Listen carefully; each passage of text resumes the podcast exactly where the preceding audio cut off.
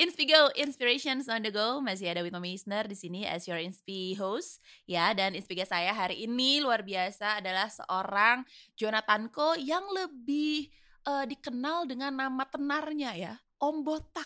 Woi, gimana Om? Baik. Kayaknya apa? Jarang ada yang tahu nama nama aslinya gue sih sebenarnya. Lebih banyak Waduh. Om Botak Om Botak. Iya. Yeah jangan-jangan kita ini tidak sengaja membocorkan nama aslinya nih. Wah. Gak apa-apa. Khusus untuk Inspigowers. Oh, luar biasa. Luar biasa nih Inspigowers ini berarti kalian ini uh, tahu gitu ya identitas aslinya gitu kan. Om tadi kan kita ngobrol kita kan di uh, apa ya perbincangan ini kan kita lagi mau nanya-nanya nih soal rahasia sukses bisnis online di marketplace gitu. Ini kan sekarang kayaknya semua orang tuh jualan, ya kan? Apalagi di masa pandemi kayak gini, kayak dari 10 10 temen aku gitu kan ya, tujuh orang tuh pasti jualan. Entah itu jualan makanan, jualan madu biasanya ya kan atau jualan kosmetik gitu kan ya. Cuman uh, masih jarang nih yang jualannya itu ditaruh di marketplace ya. Jadi kebanyakan tuh uh, orang-orang jualan itu sebagai side hustle aja gitu kan. Nah ini kan kayak tadi sempat kita bahas sedikit situasi ekonomi ini kan kayaknya nggak menentu banget ya. Waduh banyak PHK, terus udah gitu banyak ya juga yang uh, gajinya dipotong dan lain-lain gitu. Nah ini menurut Om Botak sendiri gitu ya, berdagang online itu tuh tepat nggak sih dijadiin jalan untuk mencari nafkah nih di masa sulit atau jangan deh di masa kayak gini mendingan uh, apa namanya berdagang online tuh cuma jadi side hustle aja atau gimana kalau misalnya menurut pendapatnya Om Botak nih? Ya, um, saya sih bersyukur banget ya bahwa saya ketemu dalam uh, bidang online ini dari lima tahun yang lalu, hampir enam sih ya. Karena dari kantor terakhir saya, itu pun sekarang kalau saya ngobrol sama teman-teman yang kerja di sana, gaji mereka juga dipotong di sana. Jadi saya bilang, aduh, ya maksudnya saya saya bersyukur maksudnya, aduh, untung di dikasih jalan di sini ya, di, di mana ya saya tahu lah ya untuk teman-teman uh, banyak yang mengalami kesulitan pada zaman seperti sekarang ini, apalagi di sektor-sektor industri yang memang sangat uh, directly hit uh, dari dari pandemi ini. Nah, kalau untuk uh, peluangnya ya kita mau melihat dari datanya aja selama pandemi ini dari Maret sampai Desember ya itu sekitar ada 2 juta seller baru per marketplace. Jadi di marketplace Shopee uh, Shopee lagi di marketplace uh, Oren ya ada di marketplace yang hijau juga ya ada di tempat lain itu seller baru itu nambah 2 juta. Itu seller barunya. Jadi dari sekitar 7 juta ke 9 juta ya. Tapi setiap marketplace kan ada beda-beda ya angkanya. Nah jadi kita bisa melihat sebenarnya dari data sendiri banyak sekali seller baru yang baru memulai jualan uh, di marketplace pada masa pandemi ini. Nah, di sana kita juga melihat bahwa sebenarnya pangsa pasar untuk jualan online-nya juga meningkat.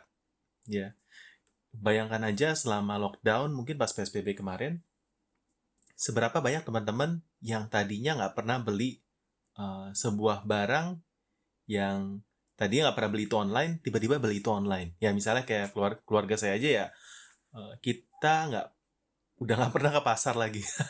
Nggak pernah ke pasar nggak pernah ke hypermarket uh, semuanya online. Ya jadi sampai beras daging dan segala macam hal-hal yang kita pikir dulunya itu kita harus beli di uh, pasar segar ya.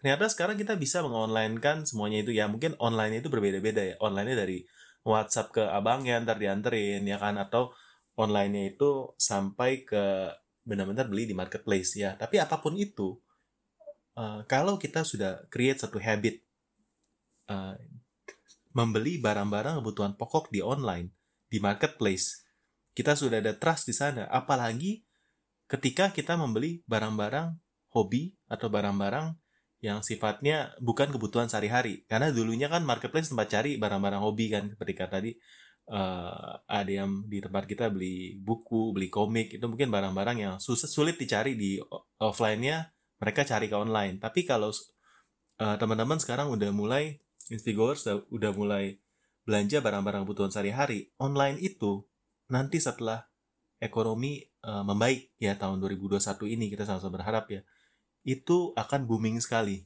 ya karena orang-orang sudah terbiasa Oke. Iya. Jadi ini kayak jadi eh, mengganti habitnya gitu ya, Yes. beradaptasi akhirnya jadi kayak nyaman ya, nggak perlu ke mana-mana gitu ya. kan.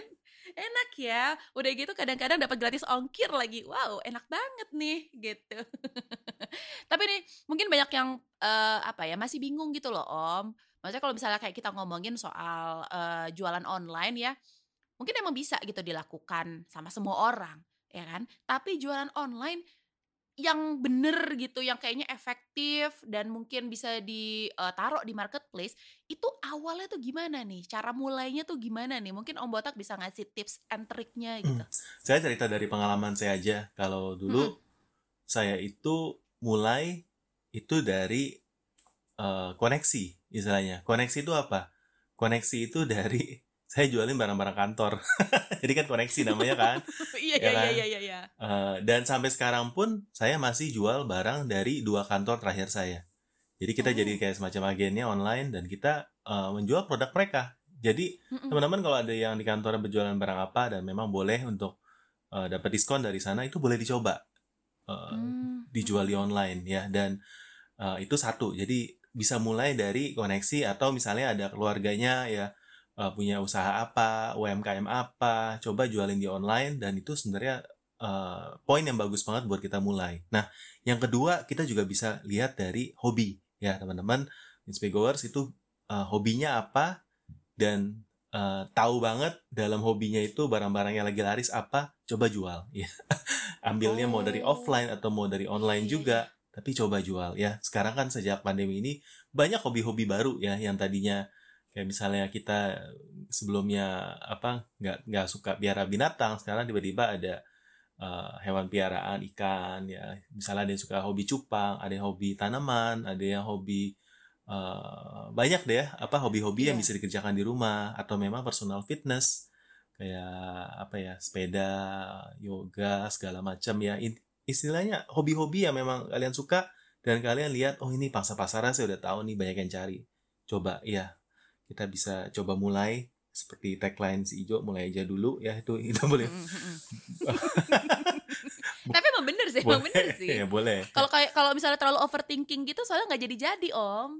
nah itu Iya kan? saya rasa eh, overthinking itu adalah kebiasaan kalau saya boleh generalisasi orang-orang yang eh, berpendidikan tinggi Hmm, Iya.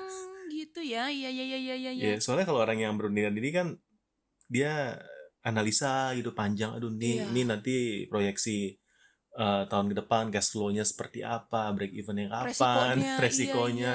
iya, Ya, saya hitung-hitung kayaknya ini presentasi berhasilnya berapa persen. Nah, kalau kayak gitu nggak mulai-mulai. Nah, tapi kalau Inspigoers benar. itu nekat ya. Buka bisnis karena nggak ada pilihan. Ya, kalau Iya. kalau nggak jualan nggak makan, itu pasti nggak banyak nggak banyak mikir itu. Pasti buka saat itu juga. Ya udah mau nggak nggak ada pilihan.